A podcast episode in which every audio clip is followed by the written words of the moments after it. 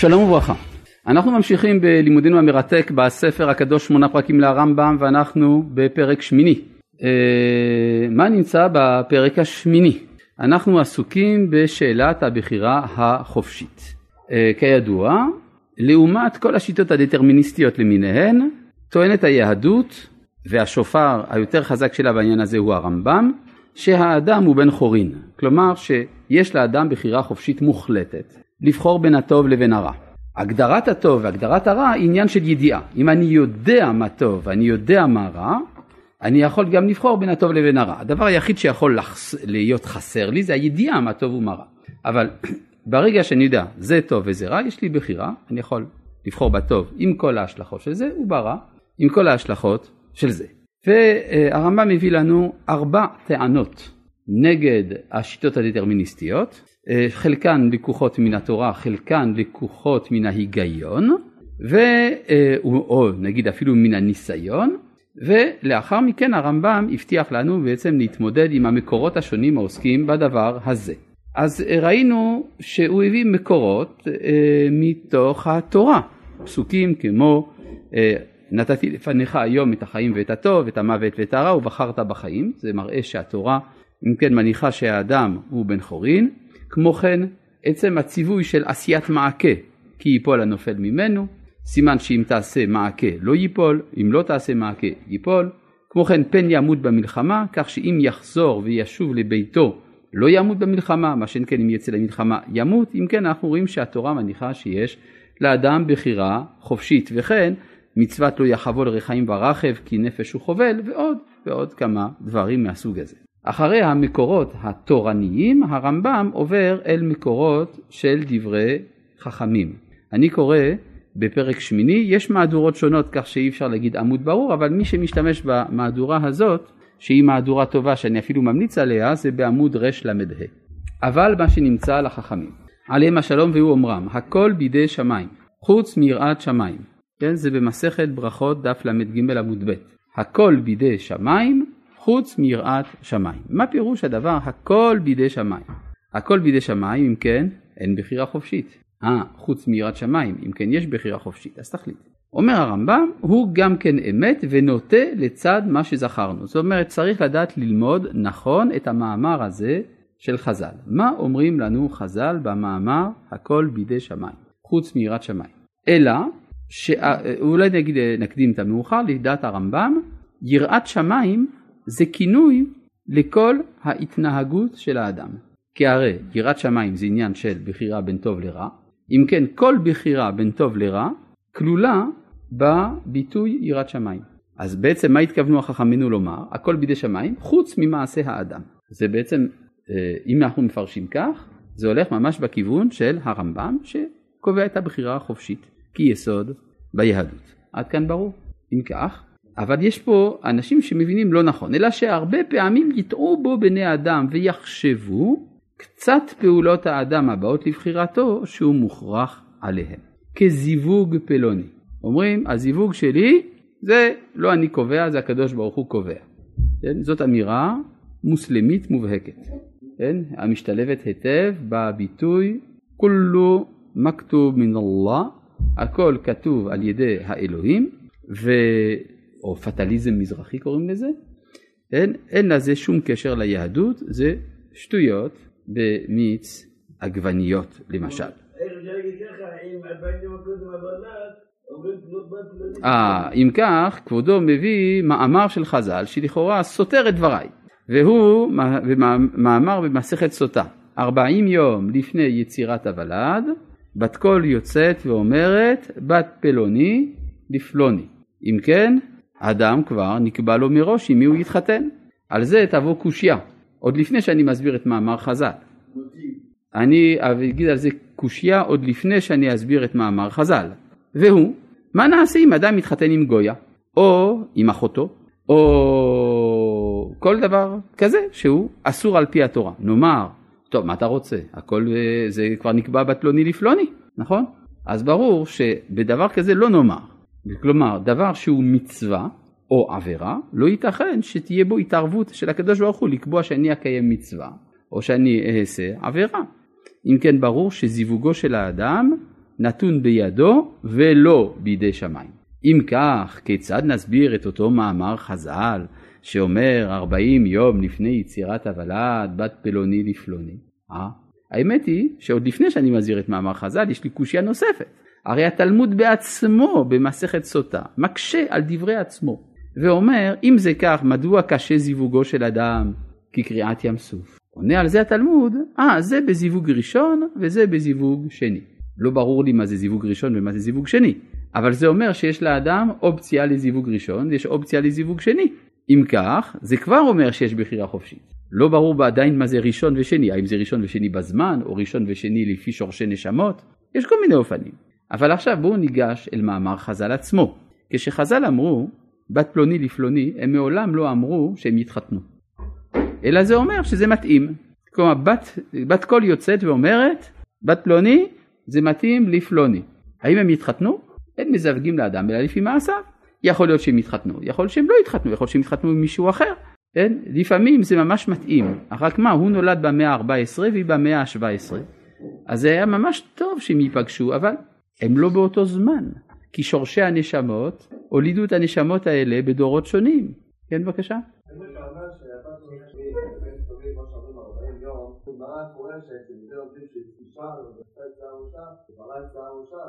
גם זה משתמע משם.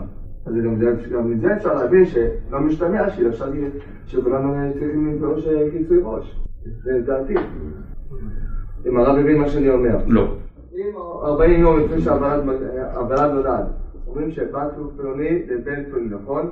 לא, בת פלוני לפלוני, לא לבן פלוני. לא משתמע מכך שהם צריכים להתחתן גם כן. נכון. אז גם אפשר להבין שגם הוא פרץ להראשה, לא חייבים להבין מזה שאת צריכה להבין כיסוי ראש, כי לא רשום את זה במפורש. לדעתי. אז יש לך קושייה. לא, זה ההפך. כי בת פלוני לפלוני, זאתי, אה, הרי להתחתן זו מצווה. כן? אז אם אומרים בת פלוני לפלוני, ברור שאדם לא מחויב לקיים מצווה, כי ברגע שאתה אומר שאדם, ברגע שיש לו מצווה, ברור שהוא יקיים, אז זה כבר לא מצווה. מצווה זה דבר שאני בוחר לעשות. לעומת זה, ופרה את ראש האישה, זה בא ללמד אותנו בדרך אגב שאישה מכסה את ראשה. כלומר אם מספרים לך שצריך לפרוע את ראשה, סימן שבדרך כלל הוא מכוסה. זה הגיוני לחלוטין. זה שני דברים שונים. ובכן, אה, אגב, כך אה, מה שאני פירשתי לכם במסכת סוטה זה לא פירוש שלי. כך פירש הרשב"ץ בשו"ת התשבץ, רבנו שמעון בן צמח. אז זה כבר יותר טוב, נכון? כי מישהו אחר אמר. אם זה אני אומר, אפשר להקשות על זה. אם זה כבר חכם אחר שאמר, אז זה בסדר, נכון? לפי העיקרון שדבר הוא אמיתי רק אם יש לו מקור. ואם לא היה לי מקור אז מה? אז אה, בדור הבא היה מקור, לא?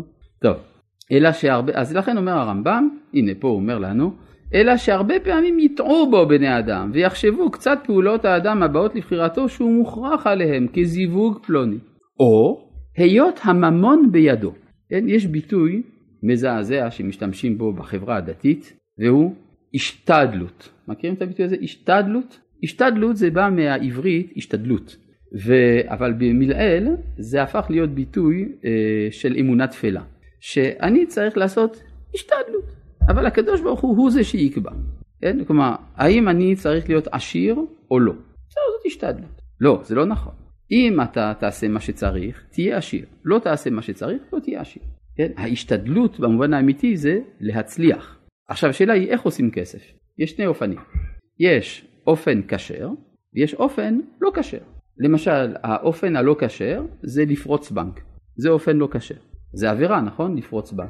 ויש אופן כשר זה למכור, לקנות וכדומה עד שבסוף יש לי כסף. יש פלאפון, תקנה הכל, תמכור הכל, וזהו, וככה נהיים עשירים. זאת אומרת, יש אופן כשר, יש אופן לא כשר. סימן שזה מצווה ועבירה. מצווה ועבירה זה דבר שתלוי בבחירה החופשית של האדם, זה כולם מסכימים. אם כן לא ייתכן לומר שהיות הממון בידי הוא גזירת שמיים. ברור? לא הקדוש ברוך הוא קבע שאני אהיה עשיר, אני קבעתי אם אני אהיה עשיר או לא. כן? כך מסביר הרמב"ם, וזה בלתי אמת, כי, עכשיו הוא מסביר בשני הדברים, גם לגבי זיווג, גם לגבי הממון. זאת האישה אשר לקחה בכתובה וקידושין, והיא כשרה לו, כלומר שהיא מותרת לו, ולקחה לו לפריה וריביה, שזו הרי מצווה, והיא מצווה, והשם יתברך לא יגזור בעשיית המצווה. אם, אם הקדוש ברוך הוא גוזר שאני אקיים את המצווה זה כבר לא מצווה.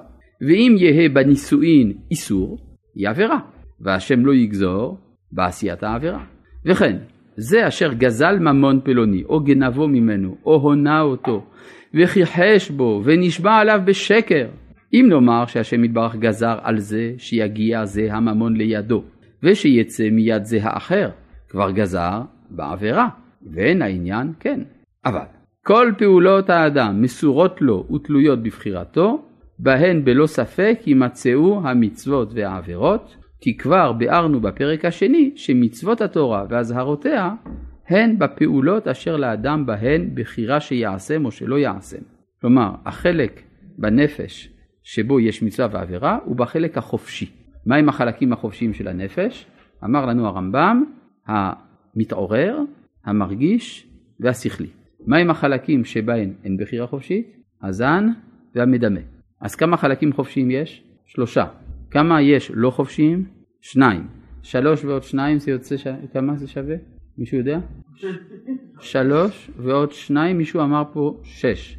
מישהו אמר פה חמש. מה נעשה עכשיו? יש פה שתי דעות. אנחנו נלך לפי הרוב. מאחר והרוב סובר חמש, מלבד הרוב הדומם, שלא מעז להתבטא, אז אנחנו נקבל שיש חמישה חלקים לנפש, הלוא הן הזן, המרגיש, המדמה, המתעורר והשכלי, כפי שהביע הרמב"ם בפרק ראשון, ויש לנו מתוכם שניים בלתי חופשיים שהם הזן והמדמה, ושלושה חופשיים שהם המרגיש, המתעורר והשכלי.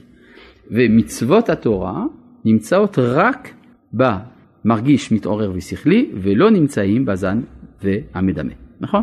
זה בעצם מה שלמדנו בפרק שני, וזה גם חוזר פה.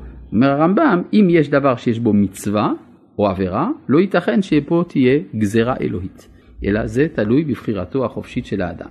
יוצא לפי זה שזיווגו של אדם תלוי לחלוטין בו, וממונו של אדם תלוי לחלוטין. אם אני לא טועה, יש מאמר חז"ל שאומר שהכל נקבע לאדם בראש השנה. מה הוא ירוויח בנוגע למות? נכון. יש מאמר של חז"ל שאומר שמזונותיו של אדם קבועים לו מראש השנה לראש השנה. אם כן, זה ממש מה שאמרנו, נכון? הרי מה קורה בראש השנה? איזה, מה תוכנו של החג הזה? יום הדין. דין על מה? על מה שעשה שנה שעברה. זאת אומרת, מעשיו של שנה שעברה, הם הם הקובעים מה תהיה פרנסתו בשנה הקרובה. נכון? זה בדיוק מה שאמרנו. אם כן, הממון של האדם הוא פונקציה של הזכויות שלו, של המעשים הבכיריים, החופשיים שלו. לכן, תודה שאתה סייעת לדברי הרמב"ם על ידי אותו מאמר חז"ל. ובכן, רבותיי, אנחנו נמשיך. כן. יש שאלה מן השמיים אם בן אדם יהיה עשיר או לא, או זה אתה אמרת לפי ב... כלומר, אתה שואל האם הרמב"ם צודק. כלומר, האם הרמב"ם שאמר שהיות האדם עשיר או לא עשיר זה תלוי בו, אתה שואל האם הרמב"ם צודק. לדעת הרמב"ם הוא צודק. כי אני שמעתי כבן אדם יכול רוצה להיות עשיר, אם יש גזרה מן השמיים שלו, הוא לא יהיה עשיר. אתה שואל פה, אה, האם הרמב"ם שאמר שהיות האדם עשיר או לא עשיר זה תלוי בו, האם הרמב"ם צודק או לא? זה מה שאתה שואל. כן, אני, אני שמעתי שגזרה מן השמיים, אם בן אדם אה, בראש השנה יהיה עשיר או לא. אתה שמעת שיש גזרה מן השמיים אם האדם יהיה עשיר או לא. וזה לכאורה סותר את דברי הרמב"ם שאמר שזה תלוי בו. אז אתה שואל אם כן, האם הרמב"ם צודק או לא? זה בעצם השאלה שלך. לדעת הרמב"ם הוא צודק. לדעת מי שחולק על הרמב"ם, הרמב"ם לא צודק. כן, בסדר. ובכן, אה, עכשיו אם אתה מתכוון לשאול, מה עם המאמר שאומר שמזונותיו של אדם קבועים לו מראש השנה, נכון? אז בעצם אתה רוצה שאני אתן לך תשובה אחרת מאשר לבחור ששאל את אותה השאלה לפני חמש דקות, נכון? אבל אני עניתי לו אז שיום ראש השנה הרי הוא יום הדין, נכון? דין על מה? על מה שהיה בשנה שעברה. יוצא שהגזרה שיש לו בראש השנה היא פונקציה של הבחירה החופשית שלו בשנה הקודמת. תשובה זו כנראה לא מספקת אותך ואתה רוצה תשובה אחרת. אבל אה, יש לנו בעיה שבדרך כלל זה ששאלה נשאלת פעמיים זה לא גורם לתשובה אחרת. ולכן אותה תשובה שנתתי לו היא היא התשובה שתינתן גם לך. ובכן רבותיי היקרים אנחנו יכולים להמשיך בדברי הרמב"ם. כן. בבקשה, מה השאלה? לא, באמת לא כל כך הבנתי, כי אני זוכר שיש בגמרא כמה סיפורים על אה, על רבי חנינה בן דוסה, לדוגמה, שהתפלל לקדוש ברוך הוא שיעשה אותו עשיר, ואז הקדוש ברוך הוא נתן לו רגל של זהב, נו, אז מה? ואז אה, רק זה גרם אה, אה, רגל בעולם הבא. רואים שבעצם, אה, וגם בחיים, רואים שיש בן אדם שמתאמץ הרבה, גם מוסרית וגם אה, עושה פעולות בשביל להיות עשיר והוא לא מצליח. יש בן אדם אחר שהוא עושה קצת פעולות, אבל הכל הולך לו חלק. יפה, זאת אומרת אתה בעצם מביא פה ש, אה, שני דברים. האחד, כלומר שני דברים כדי לחזק את מה שאני אומר. הסיפור הראשון שאתה מביא זה מרבי חנינא בן דוסה שהתפלל שיהיה עשיר וניתנה לו רגל של זהב רק שהוא החזיר אותה כדי שלא יחסר מהעולם הבא. זאת אומרת אתה מוכיח מה שאמרנו שהיות האדם עשיר או לא זה תלוי בו. כן? למשל אם יתפלל יהיה עשיר. ירצה לא להיות עשיר יחזיר את הרגל, נכון? זאת אומרת אתה בדיוק אמרת את מה שהרמב"ם אומר שהאדם על פי מעשיו ומעשיו זה כולל גם תפילותיו יכול להיות עשיר או שלא להיות עשיר ושזאת לא גזירה קדומה. יפה, תודה רבה על הסיוע הראשון. הדבר השני שאתה מציין זה שיש אנשים שמשתדלים וזה לא הולך להם. יש אנשים שהולך להם בקלות כמו כלום. עכשיו מה הדבר הזה מוכיח? שיש אנשים שהולך להם בקלות, יש אנשים שהולך להם בקושי. האם הדבר הזה יש בו ראייה כלשהי שהדבר הזה נגזר מן השמיים? לא. כן, מסתבר שזה לא תלוי דווקא בו. ועובדה שזה גזירה ולא פונקציה של מעשים, זאת אומרת. אבל זה ודאי שזה פונקציה של מעשים. מה שיש אדם שאצלו המעשים הם הולכים בקלות, יש אדם שאצלו המעשים לא הולכים בקלות. למשל, אדם נמוך, קשה לו לשחק כדורסל, לפחות לנצח. לעומת זה, אדם גבוה, קל לו. אז זה שהדבר קל לו או קשה לו, זה לא קובע האם הוא יהיה כדורסלן או לא. יכול להיות אדם נמוך, שלמרות זאת משחק כדורסל. ויהיה אדם גבוה, שלמרות כל הנתונים שיש לו, יחליט שלא לשחק כדורסל. ובכן, וזה הרמב"ם כבר אמר בתחילת הפרק, שיש נתונים, נתוני פתיחה, מה עושים איתם זה כל אחד מחליט. ובכן רבותיי היקרים אנחנו נמשיך בדברי הרמב"ם. ובזה החלק מן הנפש תימצא יראת שמיים ואינה בידי שמיים. אבל נמסרה לבחירת האדם כמו שביארנו. זה בעצם לגבי חוץ מיראת שמיים. מה עם החלק הראשון של המשפט? החלק הראשון של המשפט זה הכל בידי שמיים. מה פירוש הכל בידי שמיים? אם כן, מהו אומרם הכל בידי שמיים? אמנם ירצו בו העניינים הטבעיים, אשר אין בחירה לאדם בהם, כגון בהיותו ארוך או קצר, או רדת המטר או עצירה, או הפסד האוויר או זכותו, וכיוצא בהם מכל מה שבעולם, זולת תנועת האדם ומנוחתו. כלומר אומר הרמב"ם, כל מה ששייך לפיזיקה ולביולוגיה, על זה נאמר הכל בידי שמיים. כן? כלומר הקדוש ברוך הוא קבע שתפוחים נופלים, נכון? איפה הם נופלים? לא רחוק מן העץ, נכון? זה הכלל. תפוח נופל לא רחוק מן העץ. וזה אין בידי האדם לשנות, זה חוק. אבל מה יעשה האדם עם העובדה שהתפוח נפל מן העץ? אז זה כבר, הוא יחליט בעצמו האם לגזול את התפוח, האם לעשות לו תרומות ומעשרות, האם להרכיב אותו כלאיים, כל זה כבר תלוי באדם. אבל זה שהתפוח נופל, אין זה בידי האדם לשנות. כן. האם יש מחכמי ישראל מי שחולק על הרמב"ם? לא. לא מצאנו מחכמי ישראל מי שחולק על הבחירה החופשית, למרות שבאקדמיה מנסים לומר שרבי חיזאי קרסקס, בספרו אור השם, חולק על הרמב"ם בעניין הבחירה החופשית, אבל מעמיקי ההסתכלות בשיטתו של רבי חיסדאי קרסקס יבינו שגם הוא לא חולק, בסדר? ואומנם זה העניין אשר ביארו חכמים, אבל מי שכן חולק על הרמב"ם ביהדות זה ההמון המושפע מן האסלאם בימינו, כן? הרי היום זה נחשב לצדקות גדולה לומר מה אנחנו מבינים, הקדוש ברוך הוא קובע את הכל. העמדה הזאת הצדקנית היא היא עמדה לא יהודית אבל לצערנו הרב התפשטה בעם ישראל אצל אנשים אפילו חובשי כיפה, בסדר? אבל זה סוג של שטות שהופכת להיות סימן ליראת שמיים. אם אתה חושב שאתה לא צריך לעשות כלום והקדוש ברוך הוא יעשה את הכל, אתה יותר צדיק, כן? ואין דבר יותר מנוגד ליהדות מזה. ובכן רבותיי היקרים, נמשיך. ואומנם זה העניין אשר ביארו חכמים שהמצוות והעבירות אינן בידי שמיים ולא ברצונו, אבל ברצון האדם נמשכו בזה אחר דברי ירמיהו עליו השלום. זאת אומרת, לא רק בתורה שבכתב, בחומש, ולא רק בדברי חכמים, אלא גם בדברי הנביאים. מה אמר ירמיהו? והוא אומרו, מפי העליון לא תצא הרעות והטוב. איפה זה בדברי ירמיהו, באיזה ספר? איכה. כי איכה מי כתב? ירמיהו. כן, במגילת איכה של ירמיהו. מפי העליון לא תצא הרעות והטוב. שהרעות הם המעשים הרעים, והטוב הם המעשים הטובים. ואמר שהשם יתברך אינו גוזר על האדם לעשות רע וטוב. ואחר שהעניין כן, ראוי לאדם להתאונן ולבכות על מה שעשה מן החטאים והעבירות, אחר שפשע ברצונו. כלומר, אם אני עושה חטאים, אני צריך להצטער מאוד על זה שעשיתי חטאים. למה? כי זה אני החלטתי לעשות אותם.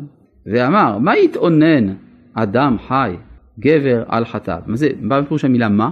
כמה, כן? כמה יתאונן, כמה ראוי להתאונן אדם חי, גבר על מה? להתאונן זה להצטער, כפי שהסברתי. כן? מה יתאונן אדם חי? כמה ראוי לאדם להצטער, להתחרט? גבר, על מה? על חטאיו. ואחר כך שב ואמר, שרפואות זה החולי בידינו. כי כמו שפשענו בבחירתנו, כן, הרי מי עשה את החטא? הרצון שלי. כן לנו לשוב ממעשינו הרעים. ואמר אחר כך, נחפשה דרכינו ונחקורה ונשובה עד השם, נישא לבבינו אל כפיים, אל אל בשמיים. כלומר, הידיעה שאני אחראי על החטאים שלי, היא ידיעה טובה. כי אם אני אומר שזה בידי לחטוא, אז בידי לתקן. מה שאין כן, אם הייתי אומר שהחטא הוא לא באחריותי, אז גם התיקון הוא לא באחריותי. כן, זה אולי העומק של דברי רבי נחמן, אם אתה מאמין שאתה יכול לקלקל, תאמין שאתה יכול לתקן. אבל אם זה לא אני שחטאתי, אז גם לא אני יכול לתקן. אז זה בעצם היסוד של החירות אצל ירמיהו הנביא.